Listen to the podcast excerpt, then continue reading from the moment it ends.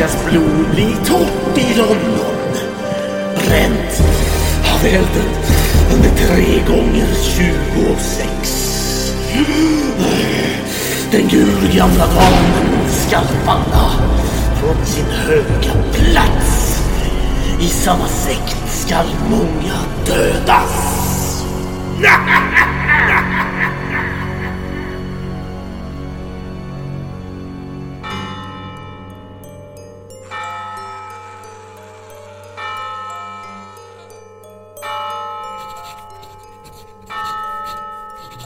Kära mamma. Den fruktansvärda böldpesten kom hit till oss i Chambéry förra månaden. Människor i staden dog en efter en. Inte ens den djupaste bönen kunde rädda folk. Allt ifrån renlevnadsmänniskor till horbockar insjuknade. Man visste aldrig vem som stod på tur att drabbas. Nu har det äntligen börjat vända. Färre insjuknar för varje dag. Förra veckan mötte jag en ytterst märklig herre. Jag hade börjat må dåligt och var beredd på det värsta då jag fick träffa honom. Han var läkare och hade kommit till staden så fort han fick reda på att pesten hade kommit. Han hade ett väldigt katolskt och franskt efternamn men jag fick en stark känsla av att det var taget namn. Likt när löven grip... Ja, förbannade penna. Jag måste ha fått ett italienskt exemplar. Eh, var har jag lagt reservpennorna? Ja, men här ligger de. Eh, var var jag någonstans? Ja, just det. Likt när löven griper tag om grenen på vintern. Men hur som helst. Han ordinerade mig ett eget rum där jag fick tillgång till rent vatten och en massa härliga örter. Han tittade till mig flera gånger. Han sa att han även var astrolog och hade gjort en egen almanacka. Han berättade att den hade sålt som smör här i Chambéry och att med tanke på mitt tillstånd så kunde han tänka sig att ge mig 30% rabatt vid en snabb affär. Du vet hur jag är mor. Jag är svag för en bra affär så jag slog till. Det var en fin almanacka och med många fina illustrationer och stora bokstäver. Men det var någonting speciellt med almanackan. Det stod att en stad skulle drabbas av pesten. Hur kunde han ha vetat det? Han måste ha onaturliga förmågor. Jag blev till en början sämre och denna läkare nämnde i förbifarten en okonventionell metod han hade hört talas om. Som man kunde ta till om inget annat fungerade. Vi skulle i sådana fall behöva en eh, tupp eller en höna. Men jag fick inte reda på mer. Då jag dagen därpå blev mycket bättre. Jag gick ut för att leta upp denna läkare för att tacka honom. Men han var spårlöst försvunnen. Han hade enligt rykten rest till nästa stad för att bota denna hemska sjukdom. Men eh, vet du vad det konstigaste är? Jag har varit hemma hos flera grannar och, och hjälpt dem rensa boet efter deras avlidna anhöriga de senaste dagarna. Men jag har inte sett en enda utav hans almanackor. Mitt konunganamn skall vara Karl den sextonde Gustav. We shall never surrender. allen Zeiten nicht die Mehrheit. Kom inte med en sån jävla provocerande och aggressiv ton mot mig. Där har våldet triumferat. Ask not what your country can do for you. Ask what you can do for your country. Ska vi verkligen öppna en till flaska? Ja, vad fan har du att välja mellan? Skål ta mig fan! I have a dream. Ah, I see you look at your leader. And I too look to you, Paul Bauma. It's one small step for man, one giant leap for mankind. Sorry me, Nostradamus. Som Renier. Ja, varmt välkomna till Salongsberusad historia, er subjektiva historieberättare i etern. Och jag heter Adam, jag sitter här. Och med mig har jag Alex av Champagne. Du tänker på den här prinsessan? Drottningen var väl... Drottningen var hon till och med. Ja, nej, nej, jag tänkte på dig faktiskt. Ja, Eh, det var älskvärt. Ja, för du satt ju... Men visst, man kan dra den Visst, jag referensen den till... kungliga framtoningen. Det kan jag hålla med om. Nej, jag tänkte mest på att du satt och eh, hade de lite så här show-off här på julafton. Men lägga upp bilder där jag drack någon Dompa eller sådär. Show-off vet jag inte. jo, Det var det var- Det var en sån här mysbild. Du upp två bilder på julafton tror jag på dina sociala medier. Det var en var när du var på väg till den julfesten med din Dom Perignon 2008 och en när du hade druckit upp den. Jag vet inte riktigt vad du ville eh, säga med dem. Mina följare gillar vin. Sorry. Ja, men du är inte drottning utav Frankrike på 1140-talet. Nej, det är jag inte. Eller född 1140. Du är faktiskt en människa i nutid som sitter här och dricker något annat som inte är champagne för en gångs skull. Prisa gud, du dricker, du dricker rött vin med en liten koppling till följande avsnitt. Ja, liksom du. Ja, jag, jag dricker samma skit. Det vi dricker är väl eh, ganska obskyrt vin egentligen. Det var ju något som jag köpte bara för att jag ville prova Mm. vad det är. Så det här är från mitten av Frankrike. Heter Menetou Salon. Precis, och varför vi dricker det idag är för att Salon har en, en annan plats i Frankrike som heter Salon då. Har en... eh, Ja, Stark koppling till avsnitt. huvudpersonen. Precis. Och eh, innan vi ska sätta igång och snacka om denna gubbe så är det så att eh, ja, du ska ju faktiskt ut och resa här. Ja, just det. Vilket sätter lite käppar i hjulen för våra planer med Mm. avsnitt. Och eh, fick eh, accelerera vår- våra förberedelser för det här avsnittet. Mm. Kan man säga. Ja, så du ska iväg till Karibien och eh, Japp. hänga lite. Men jag tänker att eh, plikten kallar också. Så det blir en eh, dagsutflykt till Gustavia. Mm, gamla, eller gamla, jo det var i och för sig gamla men eh, svensk, huvudstaden i St. Barts då, som är döpt efter eh, Gustav III. Självfallet som Ja. fick ön under en skönt besök i Paris. Ön har ju en flygplats som heter den tredje. Ja. Dessutom. Och eh, förkortningen på Ja, resan. det är ju rätt så fantastiskt. Eh, Men det tänker jag att det kan jag ju kanske posta på Instagram. Det får du göra när du kommer dit. Om du nu kommer dit, men hoppas vi att du gör. Ja, hoppas jag också. Jag ska Inget faktiskt eh, flyga med ett eh, bra flygbolag. Så. Air France. Som du kan här på. Reklamaffisch här också på Ja. 50-talet. Ja, men det är ju fantastiskt. Ja, ja, men vi har, vi har egentligen den sista omgången utav leken som vi inte kommer köra idag. Tack Nej, gode Gud för det. tiden räckte Gud till. hör bön. Och då får du ännu några veckor på dig att lära dig ännu bättre uttal. Jag har faktiskt eh, kämpat efter Ja, senaste veckorna. Jag har suttit här och nött grammatik och ja. Ja, jag har fått en del ljudklipp från dig faktiskt. Där Ja. du har bett mig att betygsätta. så att du har ju tagit det här på stort allvar. Det är Ja, bra för att det är ju bara en omgång som återstår. Jo, fast min sambo undrar vad jag håller på med hemma när jag sitter och uttalar mina franska ord här. Men, Men, gjorde ja. fashion också på sin tid. ja, ja. Men, Men- vi ska ju inte spilla någon mjölk Nej. över detta utan vi ska väl fortsätta dricka lite vin och gå vidare i vårt liv. Ja, Okej, så Nostradamus det var mitt ämne, men du hakade på väldigt entusiastiskt. Ja, det här ämnet har, nämnde du för i samband med att du nämnde Foch. När vi skulle spela in det. Då sa du ja, och sen Nostradamus ska man ha, för vi skulle ha något avsnitt efteråt där. Och då tänkte jag, ja men fan, då köper jag en bok, så här, en gammal bok från 40-talet. Gammal E-bok. bok. Ja. Nej men så jag tänkte så här, ja men började småläsa jag satt på en agility-tävling och fördrev tid. Men sen hände ju, sen blev det ju aldrig det avsnittet. Vi hamnade ju på färsen och sen hamnade vi med onkel och lite andra saker och eh, vidare. Så då har den legat här i, i bakluckan och väntat på att i, upphittad igen. Mm.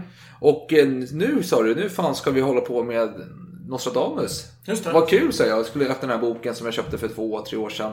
Och den gick inte att öppna. Men tänkte, det är inga problem. Nostradamus är en eh, känd person. Det finns säkert mycket litteratur om denna gubbe. Ja, så, men ja, det flest, mesta är på franska och det andra halvan är typ hans profetior, mer eller mindre. Inte så mycket om hans liv. Men du är i alla fall, eh, du är lyckligt lottad som fransktalande. Ja, jag höll på att häckla det här om att eh, 40-talsbok, att det var gammalt. Mm. Jag hittade ju någon från 1800-talet då. Eh, på franska. Mm. Eh, problemet med 1800-talet är att det fanns ingen Google på den tiden. Det var kanske dyrt att eh, få korrekturläsning. så att min författare var ju ibland ganska lat. Ja. Och skrev att jo, så, så sa de någonting på latin som ingen fattade då och det fattade inte jag heller. och, det, och, så bara, och så går vi vidare. Då vänder vi blad. Precis. Nej men anledningen till att jag intresserade mig för Nostradamus, det var nog i mina ungdomsdagar där. När alla andra var ute på fester så då eh, gick jag och tänkte åh, fan vad intressant och mystiskt det här med. Nostradamus. Du satt säkert på festerna, Då, då du- tände jag lamp, eller vad heter det? Tände jag stearinljuset och så i mörkret där så studerade Nej, jag nej, här det var säkert eh, stroferna. Motsvarigheten. Eftersom du inte kan spela gitarr och sjunga så kunde du inte köra de här uh, Hotel California på alla fester eller Ed Sheeran. Så du satt och drog massa skrönor om eh, Nostradamus istället. Om hans profetior är så korrekta och sanna och hur fransk du det menar det är. var ett uselt partytrick? Ja, det var ett Ja. riktigt uselt partytrick på din sida. Må så vara. Ja. Eh, Men han är ju fascinerande. Kan man tycka. Ja, han, är, han, han var ju känd redan när jag var liten på något sätt. Alltså det var ju, man, man introducerades ju snabbt till hans namn, även om man inte var historiskt intresserad eller ens... Jo, men det är väl någon, en person som alla har hört talas om och alla känner till på ett eller annat sätt. Och ju mer man läser och ser dokumentärer om honom, desto mer fascinerande blir han ju. Tycker du? Jag- blir mer Ja, jo, frustrerad. men, det, men det är ju kanske för att vi går in verkligen på djupet som de flesta inte gör. Ja, nej, men det är mycket, det man kan komma fram till det är att det är mycket motsättningar här i vad som sägs om honom. Alla säger saker och alla säger olika saker. Om man vill ha en bra berättelse så, så räcker det ju så. Då kan man ju se den här dokumentären och känna bara Fan vad häftigt. Mm. Och så går man och lägger sig och, tänker, och drömmer om Nostradamus liksom. Mm. Åh, fantastiskt. Men sen om man ska liksom verkligen bara fan vad hur kommer det här säga? Det här måste jag undersöka närmare. Då hittar man ju de här motsägelserna. Ja, jo. jo. Och eh, annat konstigt helt enkelt. Ja, men vad säger du? Ska dra lite musik, fylla på våra glas och så ska vi börja prata om denne man. Det låter utmärkt.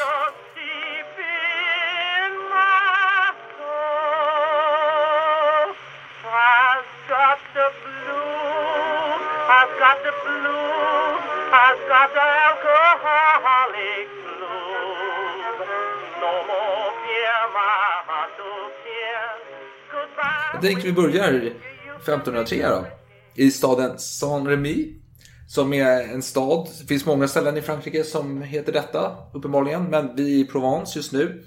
Staden fick sitt namn efter Remigius av Reims som eh, var en man eh, som eh, är mest känd för att ha döpt Klodvig den förste. År Oj, 496. Clovis. Ja, jag tror det var faktiskt juldagen. Mm. Och nu... Det var egentligen Frankrikes första kung kan man säga. Frankrike var innan dess. Ja. Clovis brukar ju anses vara den första kungen. Ja. Och eh, vad kan man säga om Saint-Rémy? Förutom att eh, vår huvudperson Nostradamus föddes där är mer känd, mest känd för att eh, Van Gogh hängde där ett år. Han låg inne på mentalsjukhus. Men Van Gogh. Det, är ju det var långt- 1889, 90 Nej, där men, Men i alla fall. Geografin är södra Frankrike. Ja, visst är det så. Provence. Och jag funderar lite på det här. Provence. Var det Frankrike? Alltså, för vi har ju mycket konklaver i Provence på den här tiden. Vi har Avignon som är... Eh, Gamla påve Precis, till, precis tillhör kyrk, kyrkostaten. Och eh, Saint-Rémy ligger någon mil nedanför Avignon. Så jag undrar om det tillhörde... Ja, det gjorde det säkert. Jag tror det tillhörde Frankrike. För jag Ja. tror inte att det var mer kanske än just staden där som tillhörde Ja, påvesätet. Jag tror inte det var något omkringliggande område. Nej, men det fanns ju andra områden i Provence i alla fall som, tillhörde, som inte tillhörde Frankrike, helt enkelt. Men den 14 december, juliansk kalender, det vill säga 24 i gregoriansk. Oj, jul igen här. Fick eh, följande personer barn. Chom de Nostradam och Renier, så hette föräldrarna. Chom är pappan och Renier är mamman. Ja, den släkten har ju inte hetat Nostradam eller Notre Dame någon längre tid. Nostradam är då en... eh, Det är Notre Dame. Det är- Alltså en variation på... Ja men precis, och det är vår dam och det är Ja. vår fru då. Ja, alltså, Jungfru Maria. Jungfru Maria. Och det är en anspelning på att nu vill man verkligen visa att man är kristna. Helt enkelt. Varför För vill man att det det för? man ju inte riktigt. Eh, I alla fall inte farfar. Jag vet inte om pappan räknas som... Han var nog en konvertit då, helt enkelt, pappan. Men Ja. farfar... Eh, Nostradam eller Notre Dame. Ja. Han var ju en judisk eh, man från Italien. Precis.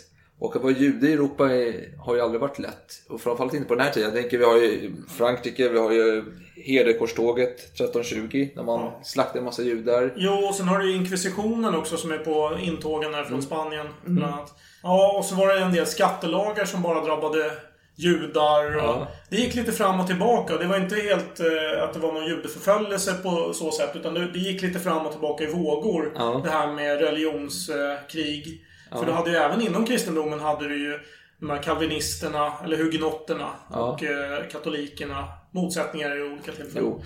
Ja, men det är en eh, stämning här som, det nalkas ja, krig mellan religionskrig inom Frankrikes gränser. Och det kommer eh, slå ut med full kraft då, senare, eh, 1562 då. Men eh, vi kommer dit senare eh, eventuellt. Men eh, den här pojken föddes i alla fall 1503. Han fick då namnet Michel. Och Nostradamus. Nostradamus är väl någon latin... Latinisering. Ja, precis. I den tiden någon... Ja, och eh. Precis. Pappan var ju någon notarielirare där i staden och ganska populär lirare. Bra kontakter. Eh, farfar var något matematiskt geni och höll på med astrologi. Och... Han höll på en del med, vad ska man säga, botanik och Mm. läkemedel och koka ihop saker. Han var lite av en sån här häxdoktor, kan man säga. Ja. Som då Michel säkert snappade upp en del från. Men eh, som sagt, farfar i alla fall. Han var ett geni, uppenbarligen, säger många. Han var lärd man, kunde mycket som du sa, botanik, eh, massa kryddor, kemikalier, he- hela kittet, matematik, allting. Så han fick ju ta hand om lilla Michel Nostradams utbildning. Och eh, det var viktigt. Man skulle ha en bra, god utbildning och det gick väldigt bra. Hemskolning alltså. Ja, Michel Notre Dame var ju väldigt... Dame inte, jag kanske ska säga Nostradamus istället. Vi säger Nostradamus lättast. Ja, lättast. För att jag är ju lite osäker där. Det stavas ju Nostradam. men Ja. Det är så man uttalar det om man läser det rakt av. Men jag vet inte. Det här är ju gammelfranska så man kanske inte ens uttalar S. Jag är lite osäker. Nej, nej. Så bättre att säga Nostradamus. Nostradamus, alla är med på tåget också. Det är perfekt. Ja men i alla fall, eh, han, han var, hade ett läshuvud, gick bra för honom i skolan. Hemma i sin lilla boning där. Och men en dag så dog farfar. Synd. Tråkigt. Vad gör man då? Man måste fortsätta utbilda ungen. Och det här familjen var inte en jätterik familj. Men man kom i alla fall på att vi satsar på utbildning för vår son. Det är, det är, viktigt. Så vi skickade iväg, eller de skickade iväg honom till eh, Avion där han skulle fortsätta studera. Och det var ju som sagt inte helt gratis. Men där kom han att hänga för att fortsätta sin utbildning. Nej men jag tänkte inte att vi skulle stanna så länge vid det där. Men han, Nej, han fortsätter. Han pluggar till läkare. Ja. Och eh, efter tre år av läkarutbildning, som var tydligen relativt vanligt kanske. En del blev klara på ett år, men då hade de väldigt goda kontakter. och eh, en del tog det tio år för. ja, de hade inte lika goda kontakter. Nej, precis. Och eh, i slutet av den här utbildningen då utsätts han då för förhör av sina lärare. Mm. Och de sitter alla på en bänk och de blir ju lätt uttråkade förstås. Så att då gäller det för Nostradamus att underhålla dem. Så han har ju köpt med sig kakor och vin. Och det är ju för att de inte ska gå hem och underkänna honom. Men i alla fall, när, när de sen är nöjda.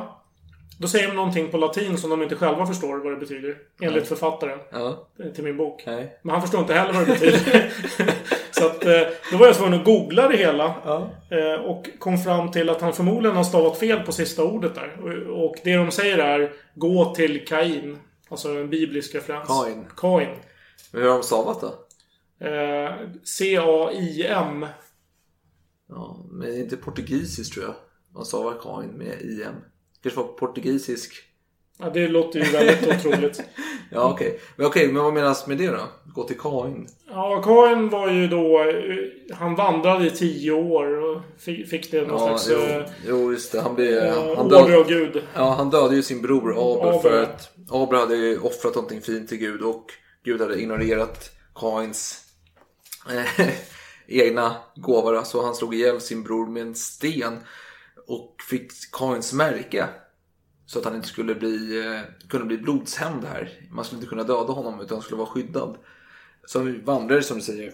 Men vad, det låter väldigt konstigt. Men det är väl att du ska ut och vandra. Ut och utöva ditt yrke. Du är en färdig Ut och läkare. vandra, ja. Du är mördare.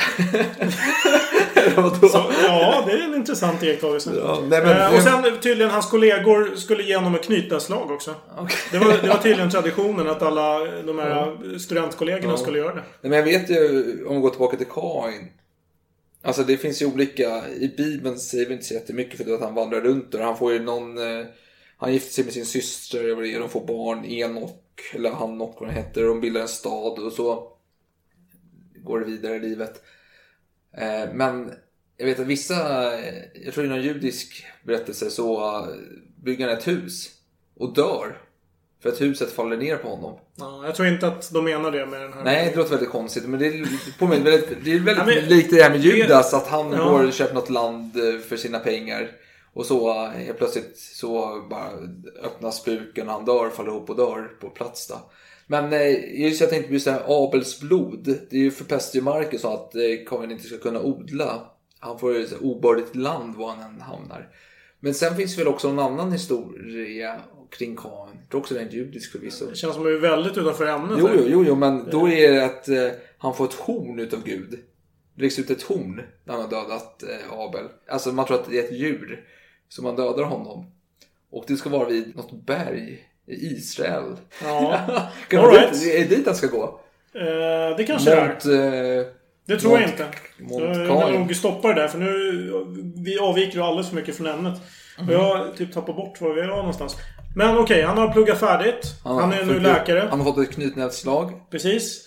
Och nu känner han full av tillförlit här att eh, nu är det dags att uträtta stordåd. Och som tur var så är det pesten lite då och då i olika städer. Så nu får han ju chansen här. Att uträtta stordåd. Ja, och han har ju sina gamla farfars recept och en del Jo. funkar. Och... Jo, man, jag ska säga att han har inte bara läst fransk eh, litteratur här. Han har ju läst egyptisk, gamla grekiska och romerska skrifter fram och tillbaka. Så han har, det är en salig blandning här. Och hans utbildning den är ju främst liksom baserad på Hippokrates och liksom gamla grekerna. För det är, det är ju renässans och det är det som Mm. Ja. gäller egentligen. Ja. Så han får ju en bok av Hippokrates som en del av den här ritualen när Ja. han blir examinerad. Ja. Får en sån här röd mantel och en guldring och någon sån här hatt med någon boll på. Och så. Eh, så det är, mycket, det är mycket sånt. Och nu är det såklart dags att praktisera det man har lärt sig, eller hur? Ja, självklart. Nu när det är pesten överallt och så. Men det verkar som att hans eh, läkarkollegor eh, inte alltid tycker det. Utan Nej. du har en... Jag vet inte om man ska... Du har en kille som heter Nicola Leoniceni. Och den mannen, han, eh, han gör ingenting. Han bara är instängd och läser böcker.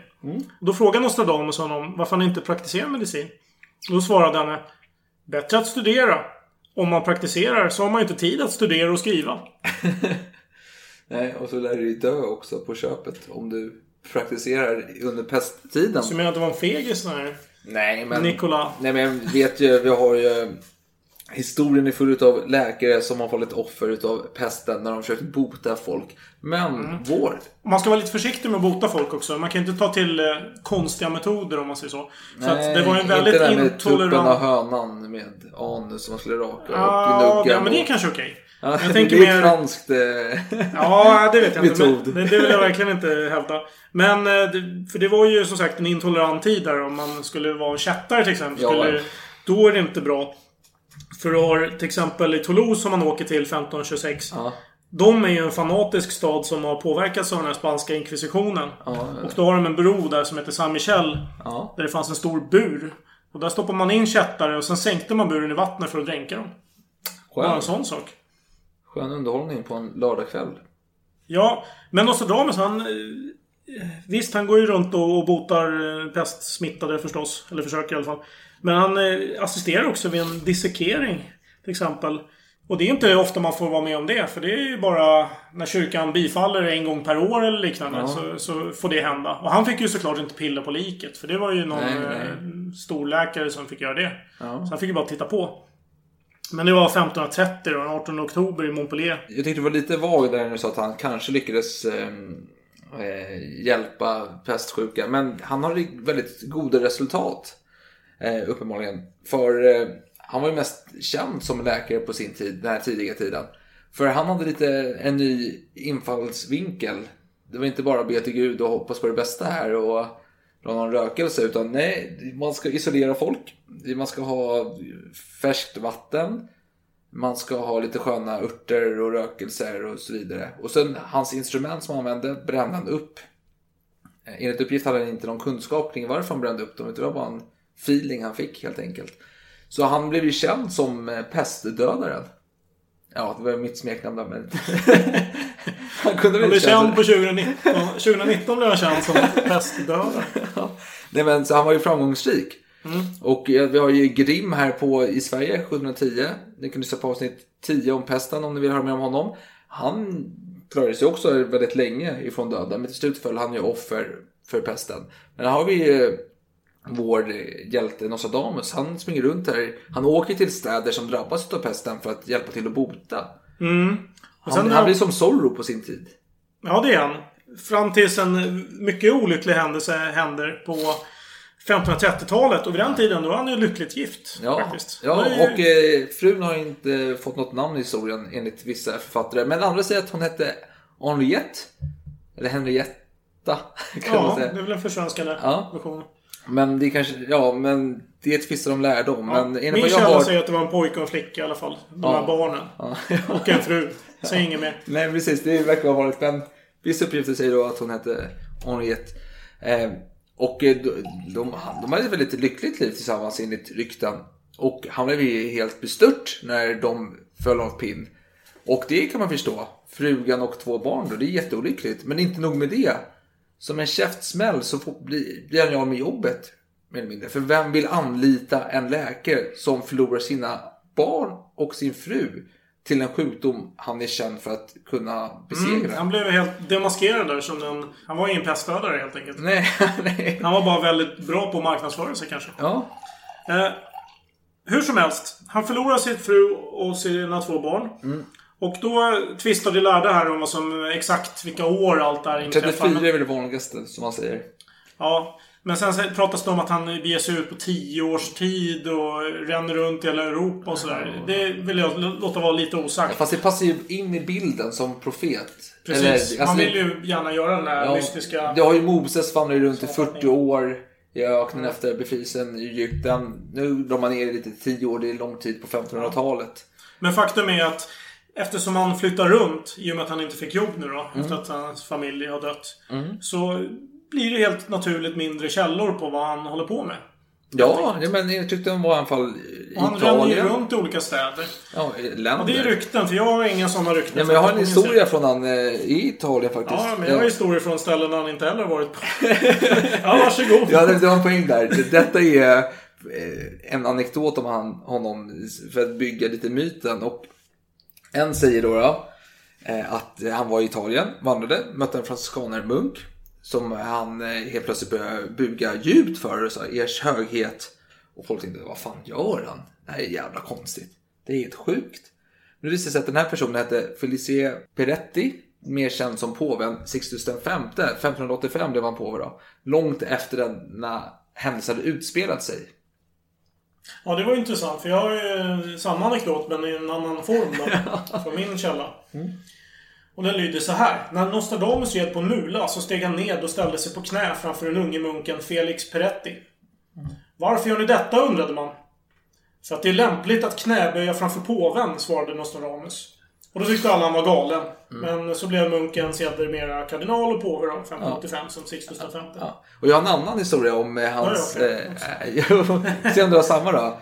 Också... Men det är tråkigt, du får ju köra först. Nej, Men okej. ja, Ja, men ja, det här ja. bygger han utav myten kring honom, som man säger, för att visa hans eh, övernaturliga förmåga, att han kan sia in i framtiden.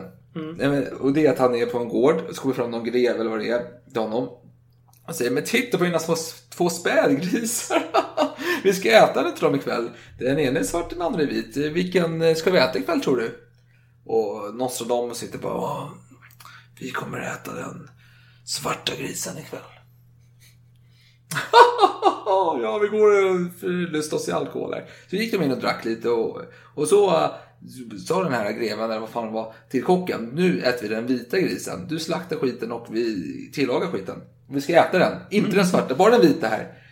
Och så eh, serverade man maten och de satt och hade det kul. Då sa han, men säg min Nostradamus, vilken gris är det vi äter nu då? Och han bara, vi äter den eh, svarta grisen. Svarta grisen. Helt klart, det är svart. Han bara, svarar greven. Oj, oj, oj, oj, oj, det är den vita grisen. och så Nostradamus, han är stenhård. Han bara, nej, nej, det är den svarta grisen. Den svarta grisen. Så man kallar in kocken, måste avgöra detta. Och kocken kommer inte skamset in där och erkänner då att det är den svarta grisen. För den vita grisen man tillagat låg på grillspettet och då kom en tam med varg, tog en tugga. Så då var, en svart, eh, då var kocken tvungen att slakta den svarta grisen också och tillaga den och servera. Ja, det är ju lustigt för jag har ju samma igen här. Ja. Fast en annan variant. Men den liknar väldigt mycket. Och då är namngedd... eh, Då är det en adelsman med namn här här- i den här historien. Som heter Florian Will. Ja. Och han kallar på Nostradamus för att bota sin sjuka fru. Ja, ja. Så han är på besök helt enkelt. Och adelsmännen pekar på två av sina spädgrisar. Den ena svart och den andra vit. Och frågade Vad är deras öde? Ja. Och då svarade Nostradamus. Ni kommer att äta den svarta och vargen kommer att äta den vita. Ja, så, ja förlåt. Förlåt, skulle jag lagt till. Det, det stämmer att han sa att det var en varg som skulle... Okej, de kanske liknar varandra ändå. Ja. Adelsmannen blir nojig. För han Ja. känner bara Åh, helvete ska jag förlora min vita gris liksom. Det är inte eh, vaska den på en varg. Jo men typ. Så han beordrar sin kock att servera den vita grisen till supén. Så kocken dödar och slaktar grisen och sätter den på ett spett. Sen går han ut en sväng, oklart vad han gör. Kanske Ja. en rökpaus eller något. Och då kommer en vargkubb i min historia in och ger sig på köttet. Oklart om han äter upp men han, han Gör någonting med... Ja, gör så att det inte går att servera det. En rejäl tugga. Troligen. Ja. Så kocken tvingas då döda den andra grisen. Och sen vid måltiden, då konstaterade adelsmannen till Nostradamus att vargen kommer inte att röra den vita grisen för den har vi just ätit upp. Och då svarar Nostradamus Nej, det är den svarta som har ätit. Aha. Och då frågar man kocken och han erkänner allt. Ja. Ja, men så det är egentligen samma historia. Lite Ja. annat utfart. Ja, men då kör jag en sista då innan du spoilar. Gör så, gör så, gör så. Jo, då är det så att Nostradamus han vilar i skuggan av sitt hus med stängda ögon. Och då kommer en grannflicka förbi och passerar honom och ropar Goddag herr Nostradamus. Då svarar han Goddag flicka. Eh, och den här flickan hon var på väg till sin älskare. Någon slags hemlig ja, kärleksstund typ. Och verkar utnyttja tiden väl. För när hon kom tillbaka... Kan jag utveckla det där? Nej, men det, det kommer du förstå. Eh, när de kommer tillbaka och ropar God kväll herr Nostradamus. Då svarar han utan att lyfta på ögonlocken God kväll lilla kvinna. Han kanske är en peeping tom. Det kanske han är. Han kanske hängde efter. ja, Alright, nu tänker jag att du kanske går till pudens kärna här. Ja, självklart. För nu har vi snackat en massa om hans tid innan. Och visst, han har varit läkare och han har flängt runt. Mm. Och han har den här mystiska auran och allt vad det kan vara. Ja, Eh, och nu är det så här. Jag har ju för sig en sista berättelse om pesten. ja men kör den. Det är 1546 Ja, då egentligen. det är kul. Bäst är kul. Kör. Eh, och då, då är han i en stad som heter X. Heter X? Ja, det heter så.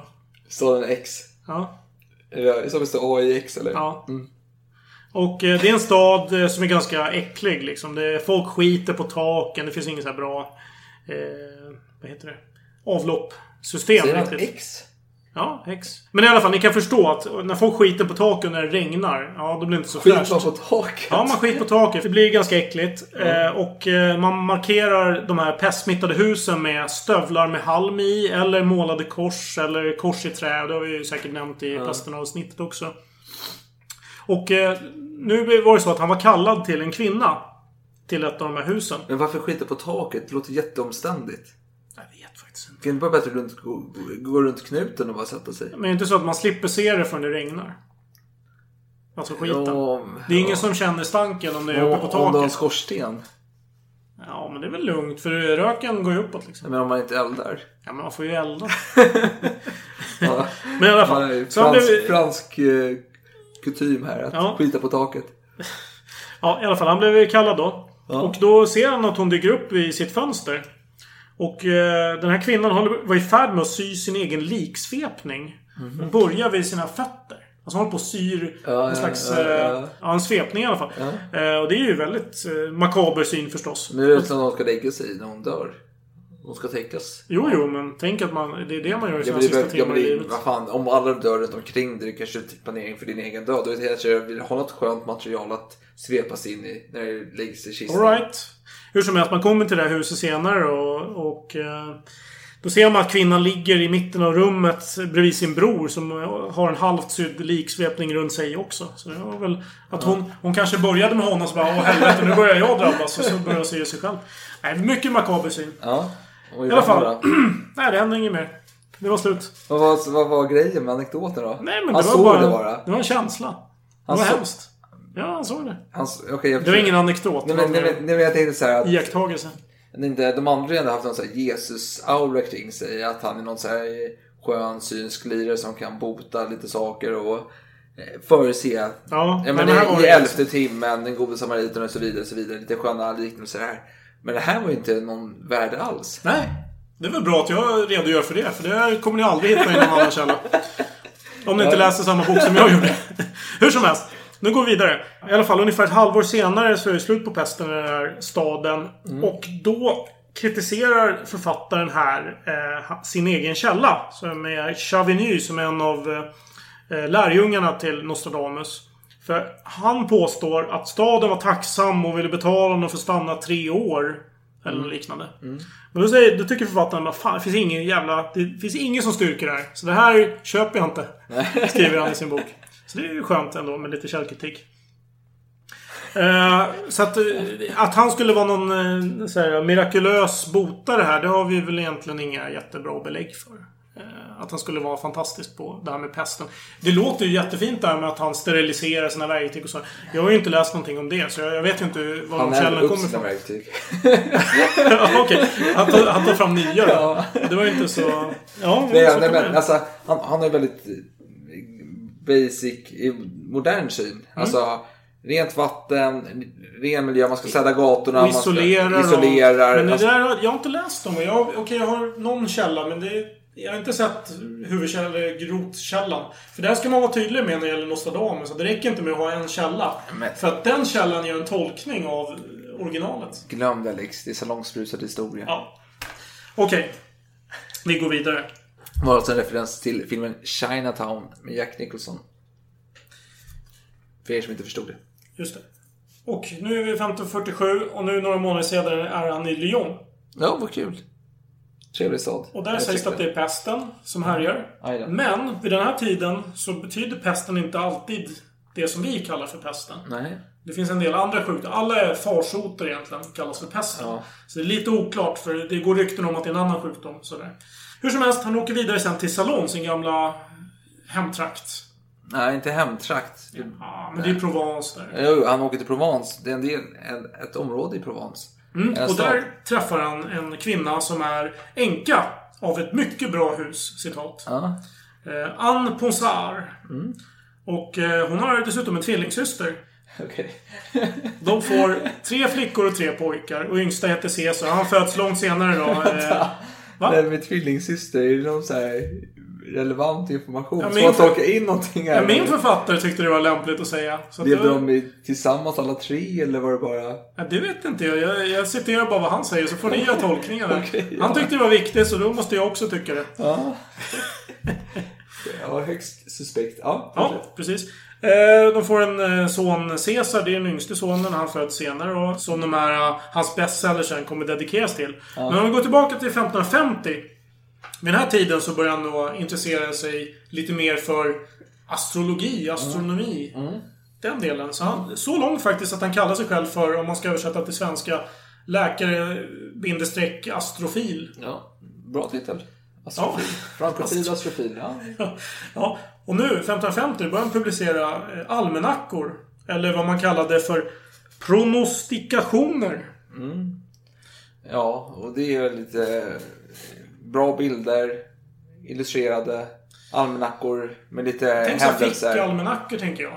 Ja, men tänker, men här är lite mer händelser. Typ. Ja, men han är, bor ju nu i Salon i Provence. Men det är typ Chambéry eller något sånt där. Så, ja, men, eh, Han- det han kommer är- regna. Och alla bara Ja. wow, det regnar. Ja, det Jo, är men riktigt han, han nivån. indro... eh, Ja, tyvärr så finns det inga exempl- exemplar kvar då av den här första Det kalendern. är väl jävligt 1550. konstigt med tanke på att den är så populär. Ja, men det är inte så konstigt. För han var... Först och främst var han väldigt okänd med den här tiden. Eh, kvaliteten på papper var väldigt dålig. Och just de här fickalmanackorna, de slits ju väldigt mycket. Man har dem fram, man har dem i fickor och fan man eh, skottar dynga och eh, släpar på lik. Och, Eller så var det inte en storsäljare. Det var, det var En en, relativt mängd. storsäljare. För att det här är ju någonting han fortsätter med sen. Jo, jo, år men- efter år fram till sin död. Jo, men det han gör. Alltså, han, han pratar mycket om olika städer i området. Och händelser som kommer ske där. Mm. Och det, vi kommer komma in på det lite senare. Men det är som du säger, ska det regna Ja, så kommer men- det regna någon, någonstans. Men Och de är ju väldigt tidsbegränsade. Det gäller ju bara för det året. Jo men Och, om eh, du säger att det kommer regna någonstans kommer det regna någonstans det året. Det är Jo, jo, jo. Jag, jag säger ingenting om kvaliteten på de här äh, spådomarna eller vad man ska kalla det. Det var väl vanlig astrologi helt enkelt. Fransmän är korkade, det vet vi allihopa. Så de köpte det hela. Ja, Gå vidare. Men i alla fall, man betraktar inte den här typen av uh, almanackor som litteratur. Så det var ingenting värt att spara heller. Tyckte man. I alla fall, det var en succé. Det var folk som köpte Det det. finns ju alltid folk som sparar allting. Jag, jag tror att eh, en framgångsfaktor var att man, han gärna namedroppade eh, byar och städer runt omkring. Som gjorde att eh, alla folk letade efter sin egen stad. Ja, har det är igenkänningsfaktor. Ja, man kollar exakt. på passet och man kollar sig, står min stad med här, om du bläddrar förbi första sidorna där din bild finns så är det lite olika städer. Ska man se. Mm. Och eh, man har ju bara återfunnit kanske ett halvdussin exemplar av de här olika almanackorna. Man har ju från år funnit till någon år. sa du nyss. Ja, men inte av den här första år. Nej, eh, men de året. andra har man hittat. Inte av alla. Nej, men han, har, han publicerar minst en varje år Ja. fram till sin död. Men Ja. man har inte hittat exemplar av varje år. Nej. inte. Nej. Eh, Men i alla fall. Så att nu med hans nya livsstil här, han är ju astrofil och Ja. det innebär ju att man är uppe på nätterna. För man ser ju inte stjärnhimlen på dagen. Nej, Så nej. det tar ju sin... Eh, eh, Kraft och energi. ja, han får ju sova mindre per natt också. Fyra, fem timmar kanske bara. Ja. Men det behövs inte. Nej. Och han börjar bli lite irriterad också. För 1552 då beklagar han sig över folket i sin hemstad. Han kallar dem för brutala djur och barbarer. Dödsfiender till goda brev och minnesvärd lärdom. Jaha, Det okej. är min översättning av Ja. det han säger på franska. Vad, vad vill du tolka djupare? Nej, och vi kan väl försöka. Det är väl kanske någon som inte gillar eh, almanackan. Han har fått kritik kanske. Dålig recension i lokalblaskan. Ja, så kan det vara. Dödsfiender till goda brev, ja. Han skickar väl inte brev till barbarer, så jag vet inte. Nej, det där har jag nog inget bra att säga om. Nej, ytterst oklart. Kanske en profetia då? Mm. Men nu, strax innan han börjar bli känd, alltså 1553-54, då skriver han sin första bok. Och det är en typ som en receptbok.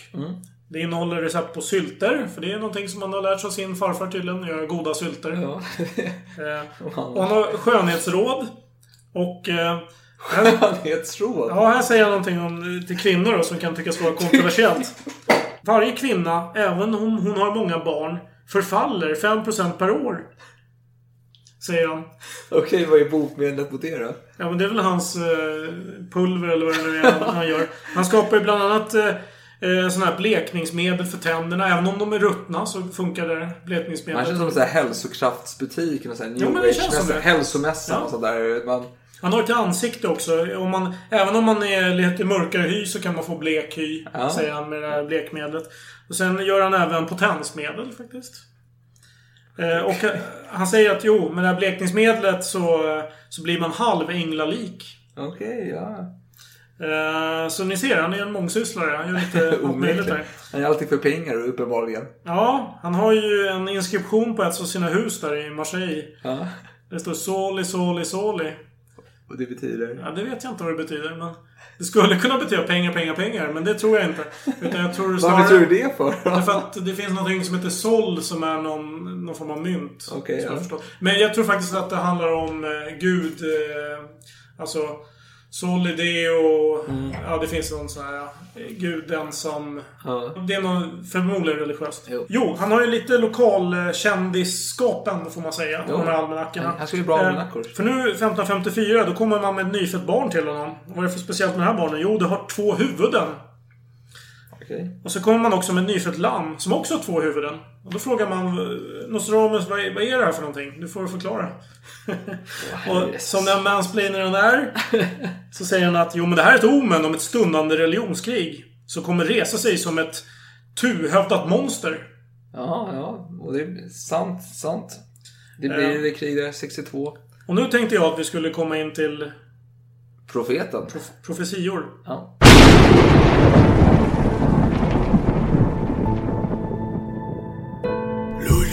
Le vieux surmontera. En chant bélique, par singulier duel. Dans cage d'or, Dieu lui crèvera.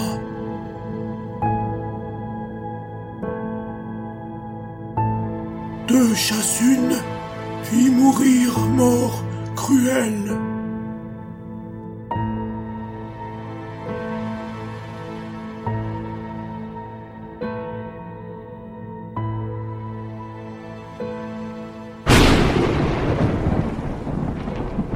Så nu är vi i maj 1555. Och nu publicerar Nostradamus sina profetior. Hans bestseller. Och första upplagan innehåller 353 stycken strofer. Eller kallade Quatrain. Som är fyr, fyra meningar egentligen. Där första och tredje meningen rimmar och andra och fjärde meningen rimmar. Och de här verserna är väldigt mystiska. De är skrivna ibland på olika språk. Du har ju till exempel den allra sista eh, Quatrain som man skriver. Den är på latin. Ja. Och det sägs att det är lite grekiska ibland och, också. blandat. Stjärntecken, lite symboler. Ja, stjärntecken och symboler kan, går ju att förklara med att han var ju astronom och astrolog också, så det är en del facktermer där. Ja. Att det är olika planeters regentskap, kallar han det. Bara för att ta ett exempel så har du månens eh, regentskap. Den går mellan eh, hans tid där, 1534 till 1888. Till exempel. Sen kommer solen. Det är vår tid faktiskt. Slutar 2242. Sen finns det fler planeter. Så det är någonting man kanske bör ha i åtanke när man läser de här. Och han säger ju själv att de här profetiorna är inte för olärda. Egentligen. Yes. Utan man behöver någon slags gudomlig insikt Han för att förstå dem. och så är hela folket känner till honom. Det låter inte som ett fiasko på något sätt. Eller är det tanken att han har Det, kommersiell det är det som är succé? grejen. Han har, ju, han har ju väldigt god ursäkt för att vara så vag. Alltså dels så har du ju eh, Oraklet i Delphi var ju också väldigt vagt. Och sen blev det ju självklart när det väl inträffade vad som var grejen. Ja, jo. Så att där har han ju en bra prejudikat. Och det var ju renässansen, så det låg ju i tiden. Ja. Men sen var det här med kyrkan också. Man kunde inte skriva vad som helst. För då kommer ju De efter inkvisito- inkvisitorerna. Med högafflarna och torterar han. krucifixen. och Ja. Så att det låg ju... på bål. Han Ja. var ju precis rätt tid att skriva den här typen av verk. Ja, men jag tänker som man säger att, han, att man måste vara lärd. Det är kanske ett så här säljknep. Så här. Du måste vara jävligt smart för att förstå den. Precis. Och du förstår den. Du är jävligt smart. Och du också. Fan, jag är aldrig jävligt smart här. Fan, det här sa du är jävligt smart. Liksom. Ja. Och det hjälpte ju kanske ännu mer att hans franska var inte så jättebra enligt min författare. Han beklagar sig över att det är dåligt skrivet. Och det baserar han, den kritiken baserar han mest på den tidigare receptboken. Om din författare hävdar att han har dålig, dåligt språk. Mm. Jag har också läst källor som hävdar att han har dåligt språk. Men då är ju frågan, är det för att det handlar om att man vill hålla ryggen fri gentemot kyrkan? Jaha, men det här tolkar du helt tokigt. Nej, det är men- en nej, bra men- förklaring faktiskt. Men just att han skrev en receptboken som är ganska harmlös. Ja men vad fan. Den kan han inte skriva Kyrkan hatar ju sylter alltså. Ja, så kan det vara ja. Nej men det, är- det är mystiskt. Det är mycket med Nostradamus som är mystiskt. Så det här är väl ytterligare en sån sak. Var han en språkligt geni? Ett språkligt geni? Eller gjorde han det med flit? Ja men det jag kan säga är att de här uh, profetiorna som kommer nu här som han släpper i sin bok. Eh, de är ju på rim. Väldigt clashiga. Det är, man har ju lyft upp detta liksom. Alltså det är inte så att det är som att jämföra en... Alltså han är inte som en Dan Brown på sin tid. Tveksam litteratur med bra cliffhangers liksom. Och det är lite samma sak här. ja. Eh, du har sköna rim som skapar mystik. Och eh, det är inte så jäkla bra prosa egentligen. Nej, vi, vi, kan ta en, vi kan ta ett exempel. Det här är hans mest kända. Det unga lejonet kommer att besegra det äldre. På slagfältet i en enskild strid. Han kommer att genomborra sina ögon genom en gyllene bur. Två blir ett. Efter det dör han en grym död. Det, vi ska återkomma lite senare. Men vad vill du ha sagt med det? Jag vill bara ge ett exempel på hur det kunde låta. Och det här är ju då översatt till svenska, så det blir inte exakt. Men det är lite så här korthugget. Ja. Det är inte hela meningar, men man har ju ändå essensen där på något Ja, sätt. ja jo, jo, det, han belyser det viktiga. Och nu gjorde han eh, faktiskt en förbättring av översättningen. för att, eh, I den originalet och den översättning jag har läst så står det Två sår blir ett. Men när jag har läst hur, alltså, originalkällan då står det faktiskt ingenting om sår. Utan det är två blir ett. Ja. Så det är... Ännu vagare. Precis. Ja, nej men det, och det här är grejen att problemet med Nostradamus som jag upplever det, det är ändå att när du läser hans profetior, det är svårt att veta, stämmer verkligen detta? Dels beror det på hur originalkällan har översatts till modern franska. Om Eller... du inte läser originalet från början. Ja, men det är ganska svårt om du ska blanda in massa latin och stjärntecken och uh, hela kittet. Ja, och framförallt eftersom hans förutsägelser gäller framtiden. Det säger han i introduktionen till sin bok. Ja. Eh, Så det är ju från och med han skrev 1555.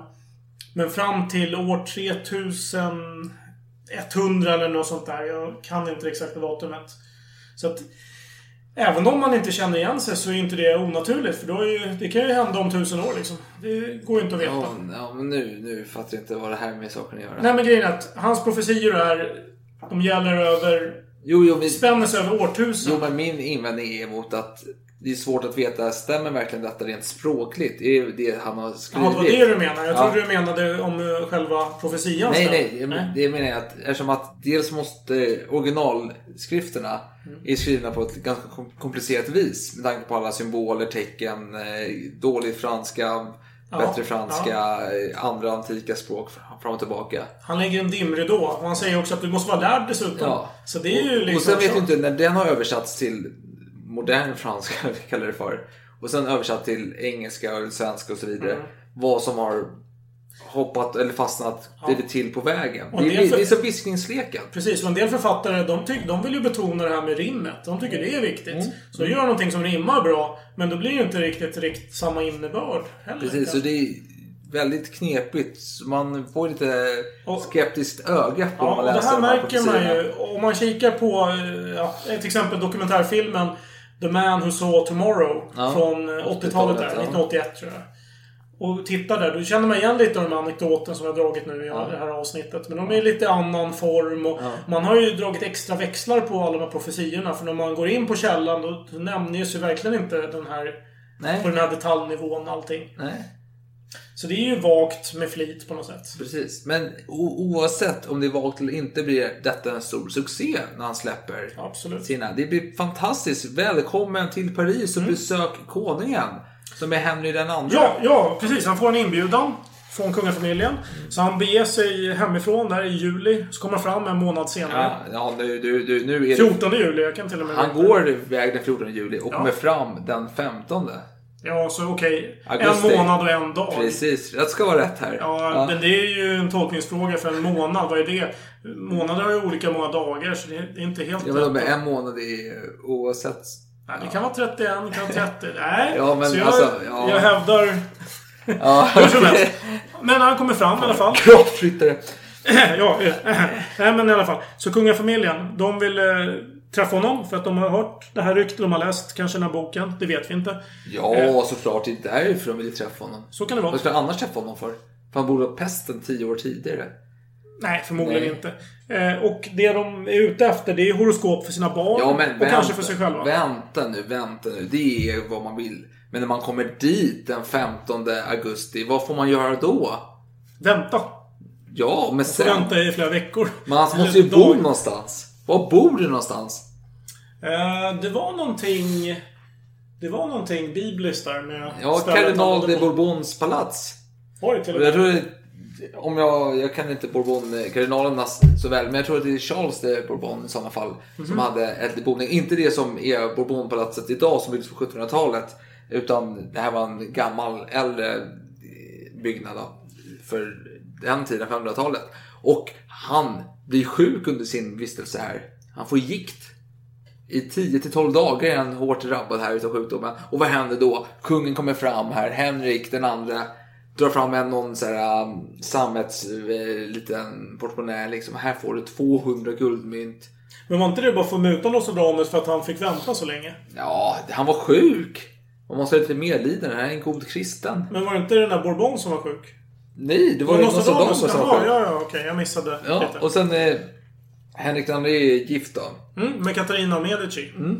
Den här italienskan Ja, som är från Florens-familjen där. Ja, och, de som gav i, Frankrike kultur kan man säga. Medici-familjen. ja, de bidrog.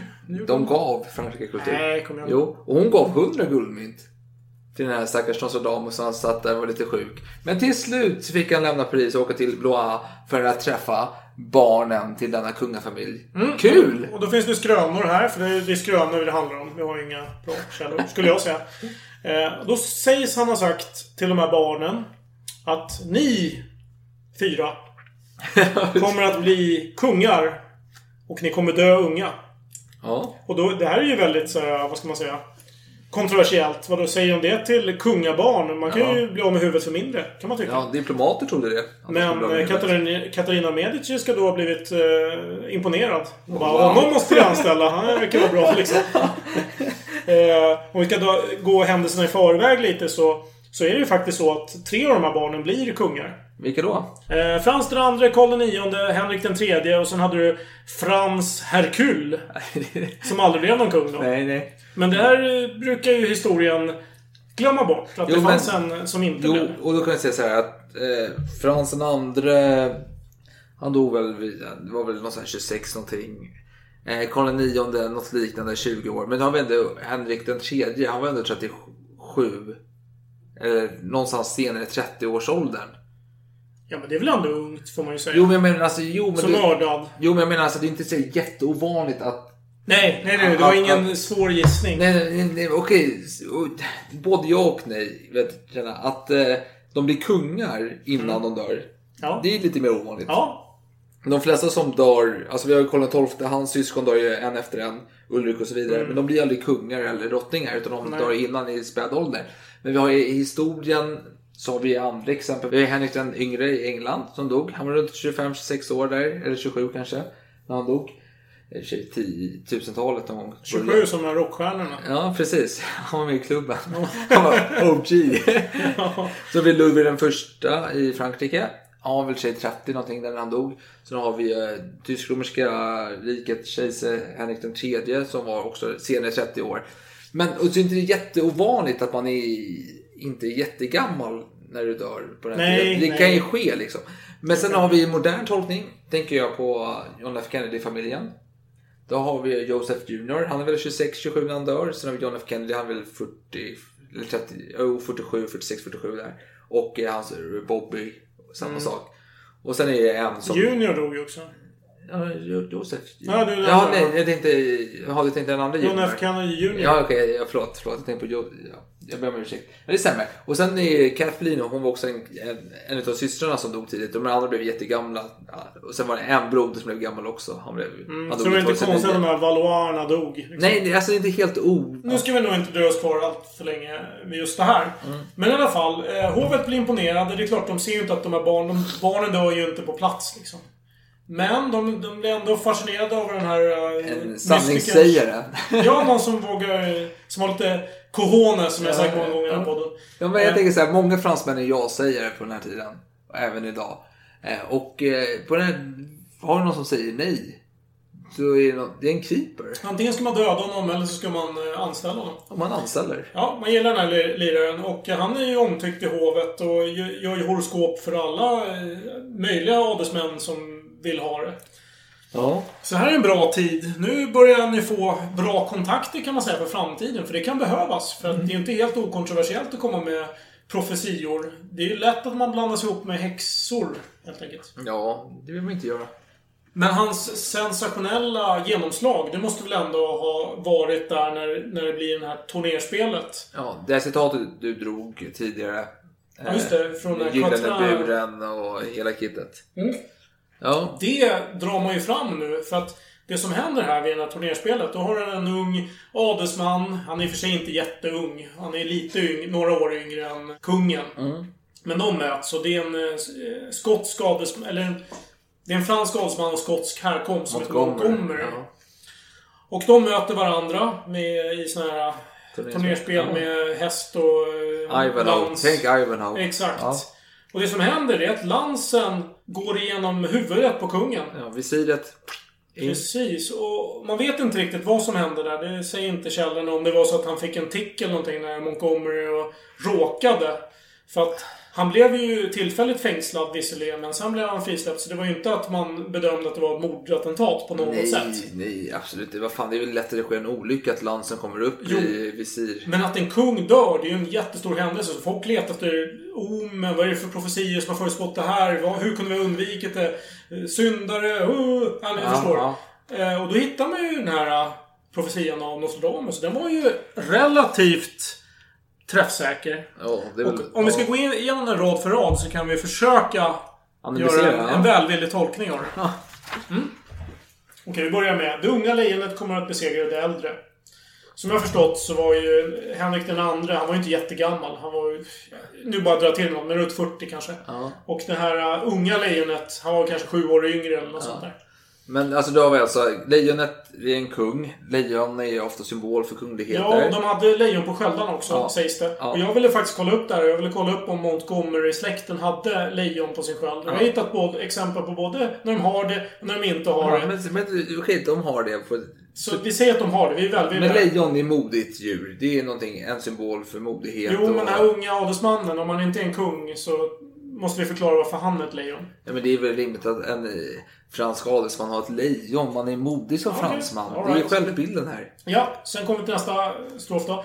På slagfältet är en enskild strid. Ja, men det kan man ju säga att Ja. det är. Absolut. Men att ett slagfält. slagfält är, det är väldigt starkt Ja, ord. det är en enskild strid där ju. Men Mm. slagfält kan man. Ja, man slåss ju på ett fält. Jo, det är väl slagfält. Ja, jo, jo, det är, ja, med mycket Mm. välvilja så går det. Han kommer att genomborra sina ögon genom en gyllene bur. Ja, och då är det då tanken att Henrik II hade en gyllene rustning på sig då. Mm. Och buren, ja det blir väl som- Gyllene buren är det här visiret. Ja.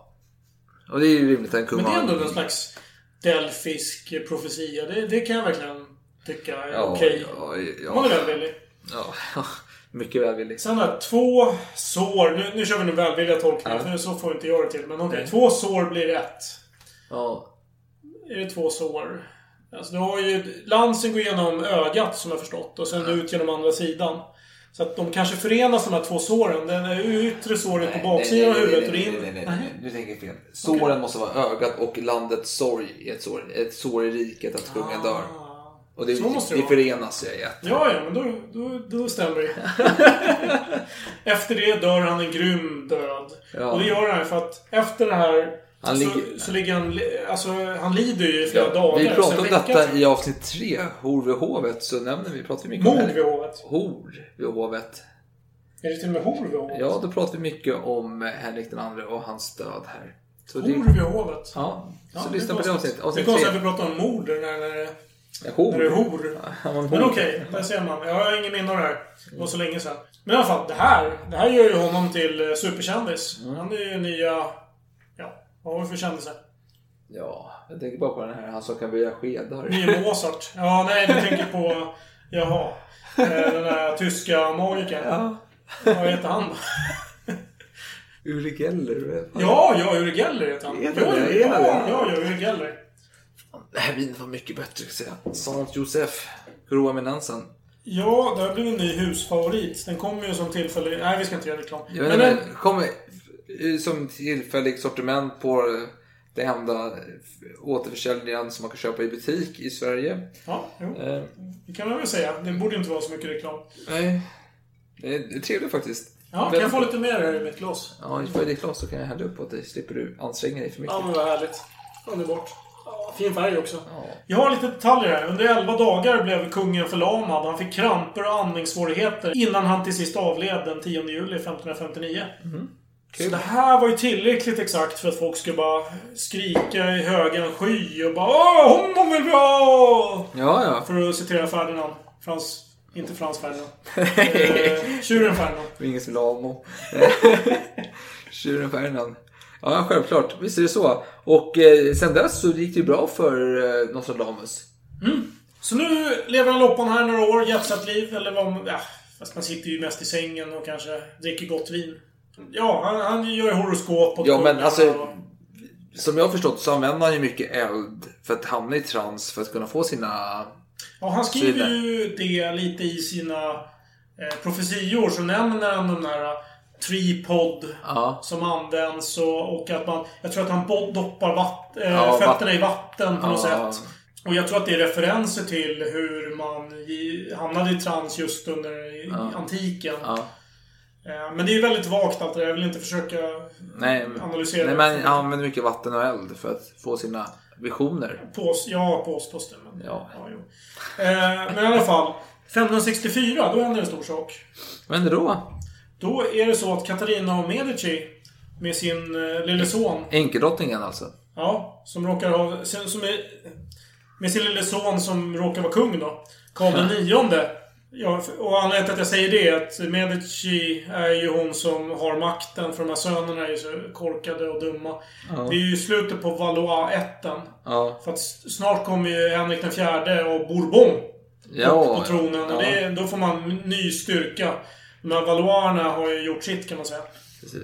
Och då ska ju, alltså det ska nämnas att eh, att, Frans den andra hade att de dött. kommer till salong alltså? Ja men alltså Frans den andra har ju dött precis eh, vid 60.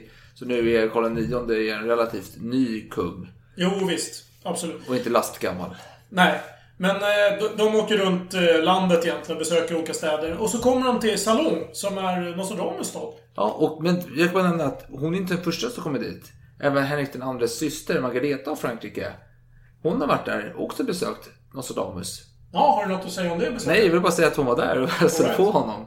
Och andra uppsatta adelsmän och Mm. fina familjer i franska riket har varit och besökt honom. Men då sägs det då om det här besöket eh, av Katarina Medici. Dels så hade ju staden förstås piffat upp gatorna och allting. Det, det gör man ju alltid när man vet att det kommer kungligt Det var besök. lite som på Edinburgh när eh, nazisterna skulle piffa upp det inför tusenårsjubileum. Ja, men det, var- det var inga hakkorsflaggor här. Nej, nej, men man målade om husen såg, alltså, så, så det såg fräscht ut. Mm.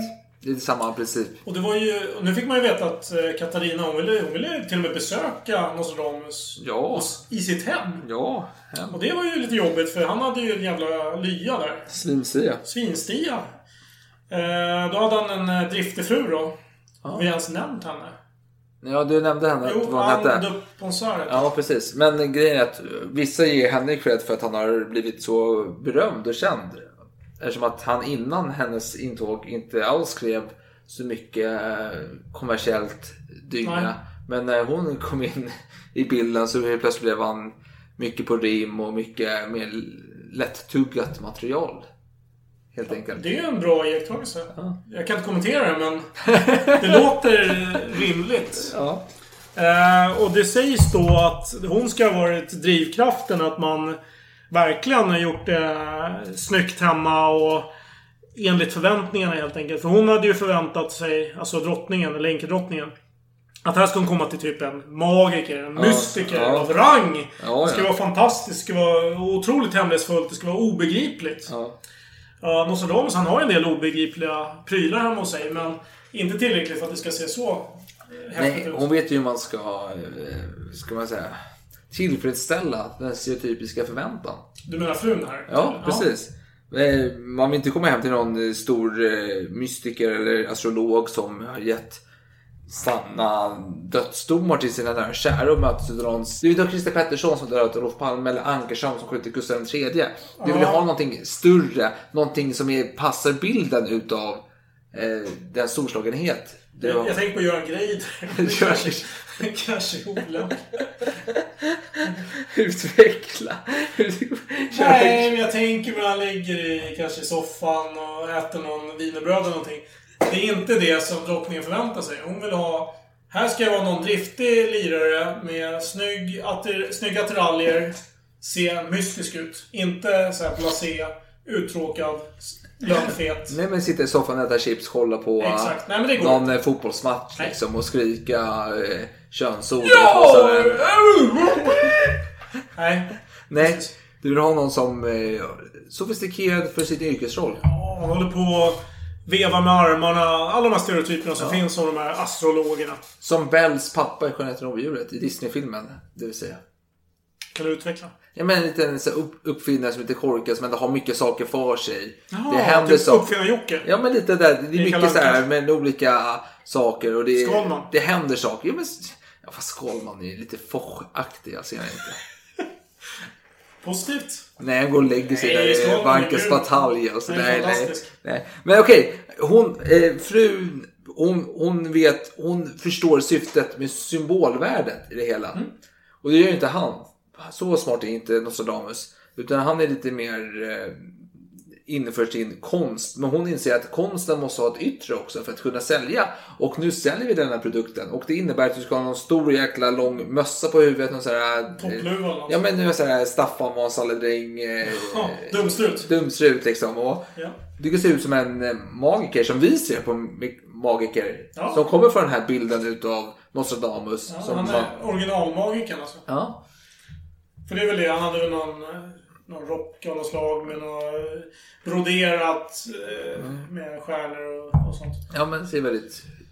Proper ut som en, eh, om man inte visste bättre, en fantastisk magiker. ja precis. Men den här showen gjorde tydligen succé. Ja.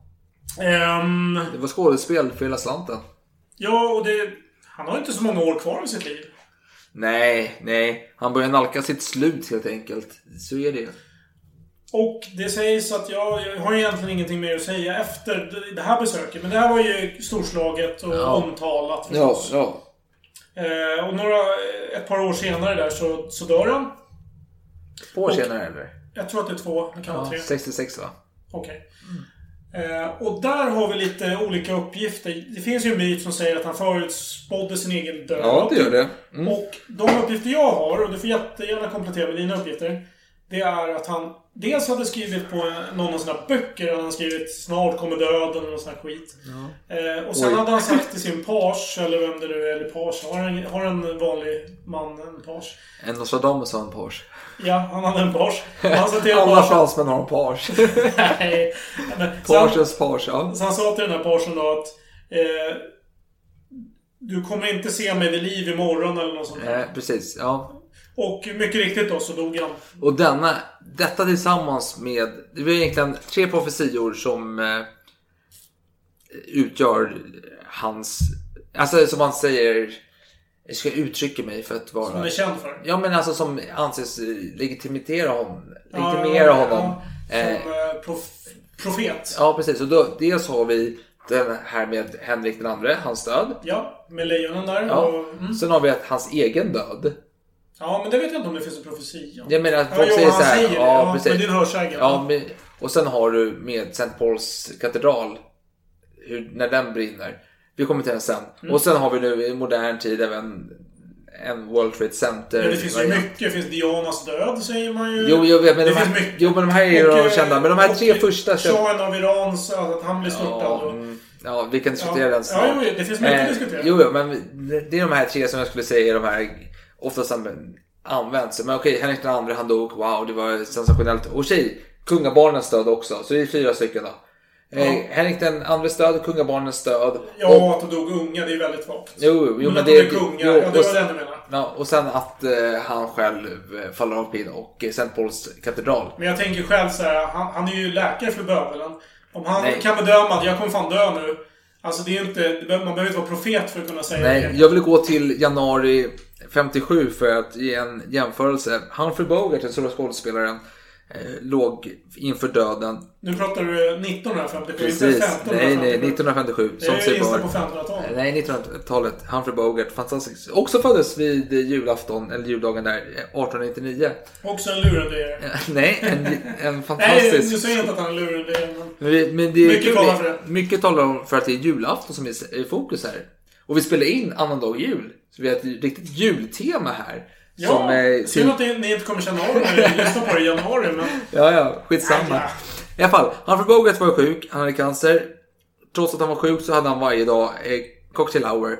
Där folk kom hem till honom och eh, man drack lite. Och han var ju väldigt tunn och svag och sjuk och jäklig. Och varje kväll kom ju Spencer Tracy och Catherine Hepburn som var ett par på den tiden hem och eh, tog en liten sup med honom och pratade lite med honom och var glada. Då sa han alltid, varje kväll sa han så här till Spencer, så här, eh, Good night Spencer. Ja, okej. Men denna dag så sa han Goodbye Spencer. Och då visste Spencer gick så här, ja. Han, han kände på sig, han kommer dö i natt. För han Mm. ändrade det. Och sagt och gjort så dog Humphrey Bogart under natten. Profetiskt. Så jag menar, alltså det är inte så jävla otänkbart att du känner på dig. Nej, jag, jag tror också det. Att eh, man kanske vet. Jag har ju aldrig varit nära och- döden själv så jag nej, vet ju inte. Nej, Men... det är väldigt svårt. Men han var ju ändå, han var ju ändå läkare. Han, eh, visst, det var ju 1500-talsläkare så det går inte att jämföra med dagens utbildning. Men ja, han vet förmodligen mer än jag om läkekonst. Ja. Och jag vet förhoppningsvis någonting mer än honom. Ja, du är ju fältskär. ja, jo, nej, men jag har ju för sig jag har en viss militär utbildning där. Men, Berätta när du drog åberopade Genèvekonventionen för att du skulle slippa göra en övning i lumpen. nu ska vi inte gå in på sådana. Men, nu ska vi se, vi var här. Alltså. Ja, men han dör i alla fall. Det är Han viktigt. dör och det slutar ju inte där. Nej. Utan den här, hans myt lever vidare. Och det sägs att 1791, alltså det var i slutet där av franska revolutionen. Ja, jo det kan man väl säga. Eh, då, hade, då hade man ju hört att eh, hans... Att han låg eh, levande begravd och fortsatte läsa böcker och höll på att skriva och greja i sin grav då. Ja. I den här kyrkan som han är begravd Så han skrev böcker i sin grav. Ja, det kan man väl säga. Ja, oklart. Nej, men eh, jag vet inte varför han behövde en fjäder annars. Men han Ja. hade någon form av lampa och skit. Jättekonstig myt. Eh, Men då bestämde sig soldater för att svina helt enkelt. Förstöra hans grav. Ja. Och det här har ju sedan utvecklats i, till en... Som jag har förstått det, jag kan ha fel. Att, eh, att man grävde upp hans grav och hade fått för sig att man skulle dricka ur hans dödskalle. Och man skulle på något sätt ha någonting att vinna på det. Ja. Eh, och, men att den som gjorde det skulle dö också. Och då har man grävt upp hans grav och gjort det och sen vet jag inte om folk dog. Sägs han blev skjuten. Jag, jag kan absolut inte styrka det. Det är bara någonting jag sett Känns väldigt, förbifarten. väldigt mycket Indiana Jones. Ja, men det känns som att man alltid lägger på någonting. Det är liksom, man har en berättelse här som finns i källorna. Och sen gör man, man lägger på en liten grej som gör berättelsen bättre. Ja. Men utan sanningshalt. Ja. Ja, men det får vi väl säga att det var slutorden för denna dag. Ja, och vi, du ska ju resa iväg här nu på några veckor. Jag hoppas jag överlever. Ja, men, det gör eh, jag också. För annars skulle det vara tråkigt att sluta podda bara för att du dog. Eh, Ja, men... du får väl köra någon slags eh, memorial på. So- Solopodd. Ja, du får... Du får du, jag, jag kan skriva lite katra till dig så du kan tolka i kommande avsnitt. Det var tusen rader här så jag kan köra. Ja, det, det ska jag göra så du har många år framöver. Ja, så har jag material för i alla fall någon säsong till. Ja. Nej men eh, vi hörs i framtiden igen och då ska vi... Det blir förmodligen, om jag ska komma med en profetia, februari Va? 2020. Skämtar du? Mars. Nej! Jag hade tänkt slutet utav januari. Oj, oj, oj. Det blir tufft. Eller jag tänkte typ 15 januari. Tänk på att det här kommer släppas i januari.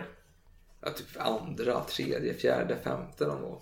Ja. Vi får eh, låta himlen eh, vägleda oss Ja, med men vem vet? alltså. Vi ska först prata, hoppas om lite sköna grabbar från Oslo. Och sen kommer vi gå in kanske till Asien en snutta för första gången på allvar och prata. Kan så bli och Kan kanske så. även eh, smaka på en bakelse eller två. Ja, men eh, vi hörs i framtiden. Ja. Tills dess, skål med fan! Eh, skål med fan och gott nytt år. Ja, vi har det efter Gott. årsskiftet. Nytt år. Tionde.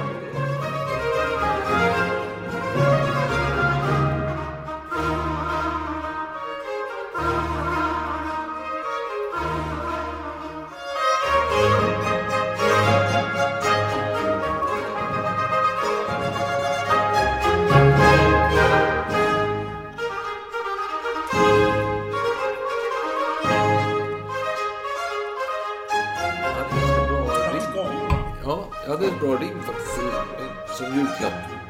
Det var så här... Vet du, så här, var till mina föräldrar så var det rim då, så var det fem poäng. Det var ledtrådar vad det var. Så var det fem poäng, det blev lättare och lättare. Det var ganska bra faktiskt. Jaha, får jag få höra? Kan jag ta den på fem poäng i frågan? Ja, gör det. Jag är väldigt imponerad. Farsan tog det på två poäng.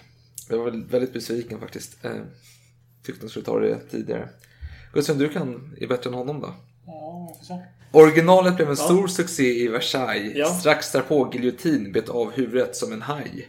Mm. Kejsaren inte på denna ville tro, men det gjorde en bro. Kejsaren inte på denne ville tro, men det gjorde en bro. Ja, det var svårt. Nästa. Fyra poäng. Det kunde ha slutat i dur, men till slut kom den förbi kejsarens censur. Hur genomtänkt den var kan man ifrågasätta, då den endast tog sex veckor att tonsätta. Jaha, så det är någon, någon musikalverk? Någon, eh, någon opus? Ehm, sex veckor tonsätta. Ja, det kanske är hånmonopolen. Det är Beethoven kanske? Nej. Nej, kör vidare. Tre poäng. Uppfördes för första gången i Stockholm 1821. Den blev snabbt en nummer ett. Fastän historien är nummer två. Folket krävde till en början att Rossini skulle avgå. Jaha, är det teaterbiljetter? Kan det vara det? Operabiljetter till och med. Ja, jo men till vilken föreställning? Ja. det är inte helt random där. nej, nej. Ehm, Ja, vad är det Rossini har gjort för... Jag kan inte med italienska. Havsverken. Nej det är en, det är en teater som heter det. Nej men kör vidare. Jag kör vidare. Det var tre poäng. Ska vi ta två poäng då? Nu blir detta väldigt lätt när våran Susanna går upp i falsett. Greve Alma han leve. Efter att ha fixat sin frilla kan man se hans villa. Ja, det gäller att kunna den här operan. Nej, jag kan tyvärr inte. Nej, en poäng då. Ja. en lustig klassiker om kärlek i Sevilla. Av Skrattman av Solen kan trilla. Ah, Barberaren i Sevilla. Av Mozart den skrevs, på operan den bäst upplevs. Varför inte dit ta en sväng? I februari kan det bli en del av Figaros gäng. Vad är det då? då? Barberaren i Sevilla. Nej. Fan. jag var självsäker. Varför? hade det varit rätt så hade det varit jävligt bra. ja, fast vi ska, ska gå igenom. Eh, ja, ja, skit. Fem poäng. Originalet var en teaterpjäs som blev väldigt populär och spelades mycket i Versailles-slottet. Då, där Mm. Marie Antoinette spelade rollen som grevinnan. Jaha. Eh, men den var lite, spädde på lite dåliga stämningar i Frankrike. Och som blev revolution. Därav giljotin. Huvudet högg av. Var, var det en scen i den här teaterpjäsen när hon skulle äta bröd eh, eller croissant och säger... och så yppar den där kända. Nej. Varför äta bröd när man kan äta Sak, croissant? sak hon aldrig har sagt, men absolut. Ja. Nej, så det, det var alltså, det var, blev censurerad. Och kejsaren då? Vem var kejsare på den här tiden i Österrike? Jo, det var Josef den andre. Så han vill inte på denna tro. Men det gjorde en bro. Och vem är denna bro då? Det är DuPonte som skrev librettot tillsammans. Jaha, ja, eller det var långsökt. tillsammans. Han skrev libretto till den då. Ja, ja. Ja. men det är På spåret-klass Ja. där. eh, Högsta Det poängen. kunde ha slutat i dur, men till slut kom det förbi kejsarens censur. Han gav med sig då när de, eh, Mozart och DuPonte... så- DuPont. Det låter som eh, Tintin. Ja. Och sen tog det sex veckor att tonsätta, det var inte svårare än så. Uppfördes i Stockholm 1821. Eh, Det blev nummer ett då. Fast sen i historien är nummer två. Jo, det är så att den skrevs före eh, Barberaren i Sevilla, men den utspelade sig efter den. Mm. Och vem som skrev Barberaren i Sevilla är då Rossini. Och när den uppfördes så buade folket i början. Mm. Men då hade jag rätt. Men sen blev den en succé. Ja, det hade halvt rätt där. Nej men vad fan, jag sa ju det. ja, men det var inte den. Figos bröllop är rätt svar. Jaha, ja, ja, då jag fel. Barberaren eh, är som sagt den efterföljare som utspelar sig före. Som Star Wars-filmerna som kommer Mm. Ja, man kommer bara ihåg 90-talet. nummer ett va? Efter- eftersläntrarna är svårare. Två poäng då. Det här. Susanna, det är hon som är eh, ena huvudrollen. Nu är här Greve Alma han leve.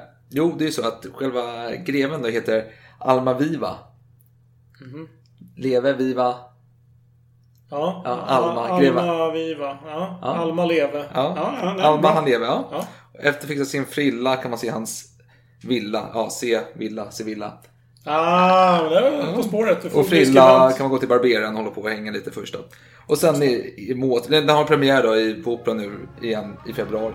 Ja men bra jobbat, du tog det nästan. Ja, Inte ens en poäng fick du rätt. Nej, jag fick noll poäng, men det var bra jobbat. Ja. Tackar för det.